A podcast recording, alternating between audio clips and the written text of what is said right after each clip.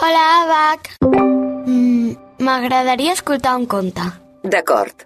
El busco al catàleg d'àudio de l'Abacus a RAC més 1. Aquí el tens. La neguet lleig amb Jordi Basté. Hi havia una vegada una senyora ànega que, com cada estiu, estava covant els ous. Els seus fills sempre eren els més bonics de tots i per això tots els animals del bosc estaven pendents que arribés el gran moment. Els ous estaven a punt d'esclatar i tots es van reunir al voltant del niu perquè tenien moltes ganes de veure els petits ànecs. I per fi va arribar el moment.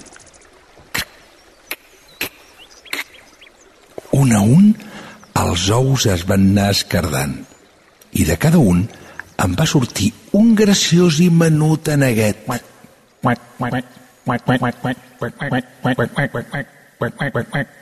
Tothom va estar molt content.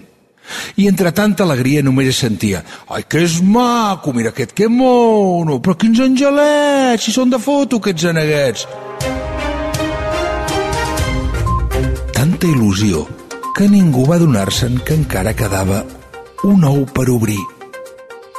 Era l'ou més gran de tots. Havia corregut la veu i tota la premsa, televisions, ràdios, diaris i instagramers de tot el món havien arribat a temps per veure qui sortirà d'aquell ou tan estrany i poder tenir la primera fotografia. Tothom l'estava mirant i de sobte es va començar a moure i em va sortir un petit aneguet somrient. Quac, quac, quac, quac. Més fort i estrident que no pas els altres. No era com els altres. Era mal girbat, estava molt despentinat. Els altres aneguets es van sorprendre molt de tenir un germanet tan estrany i van començar a dir-li «Oh, que és lleig!» La mare, davant de tota l'expectació que havia creat, es va morir de vergonya per haver tingut un fill tan estrany i el va apartar amb l'ala deixant-lo de banda per poder cuidar bé els altres aneguets. I el pobre aneguet lleig es va quedar molt trist perquè ningú li feia cas, ningú el volia. No va sortir en cap portada. Sempre, sempre, sempre era l'últim de la fila.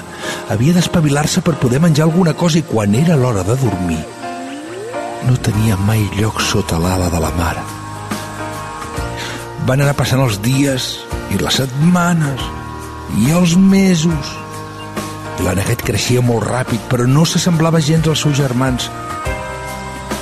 S'estava fent més prim, més malgirbat. Els altres ànecs li feien bromes pesades i contínuament li recordaven que era el més lleig de tots.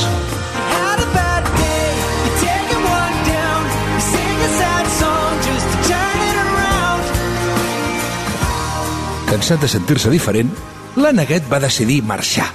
Volia buscar un lloc on tingués amics de veritat i es sentir realment estimat. L'endemà al matí era una nit freda d'hivern, però ben d'hora, ben d'hora, ben d'hora, abans que es llevés ningú ni que jo arribés a rac L'aneguet va decidir fugir. I com si tingués l'energia incansable d'en Kilian Jornet, l'aneguet va córrer quilòmetres i quilòmetres i quilòmetres fins que va arribar a una masia on una dona velleta el va convidar a quedar-se. Es pensava que per fi havia trobat un bon lloc on viure, però ben aviat se'n va donar que aquella bona dona només el volia per cuinar-lo amb peres al forn. I abans que arribés la nit va tornar a fugir per potes. Encara més trist i més moix. L'aneguet va continuar el seu viatge. L'hivern era molt dur.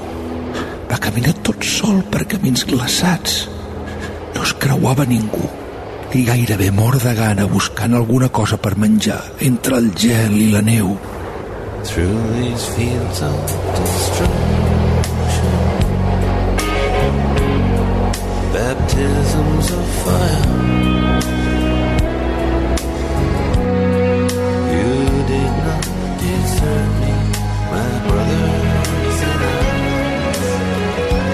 Però per fi va arribar la primavera. El gel va desaparèixer i seguint el vol d'una simpàtica papallona, l'aneguet va arribar a un estany. Nedant sobre l'aigua hi va veure unes aus blanques molt elegants. Eren les aus més precioses que mai havia vist. volia anar a nedar amb elles i va posar la poteta a l'aigua i a poc a poc s'hi va acostar. Molt tímid els hi va preguntar si podia quedar-s'hi tot i ser diferent. I una de les aus li va dir Diferent tu? Per què ho dius? Però si ets un signe com nosaltres? Oi, no us burleu de mi, que jo sóc molt lleig, ja ho sé, ningú m'estima, però jo només volia nedar amb vosaltres una estona. La Neguet es pensava que una vegada més algú reia d'ell i li feia bromes. Va baixar el cap i va començar a allunyar-se'n mentre li començaven a regalimar llàgrimes dels ulls. Però de lluny va sentir com li deien Eh, mira el teu reflex a l'aigua i veuràs que et diem la veritat.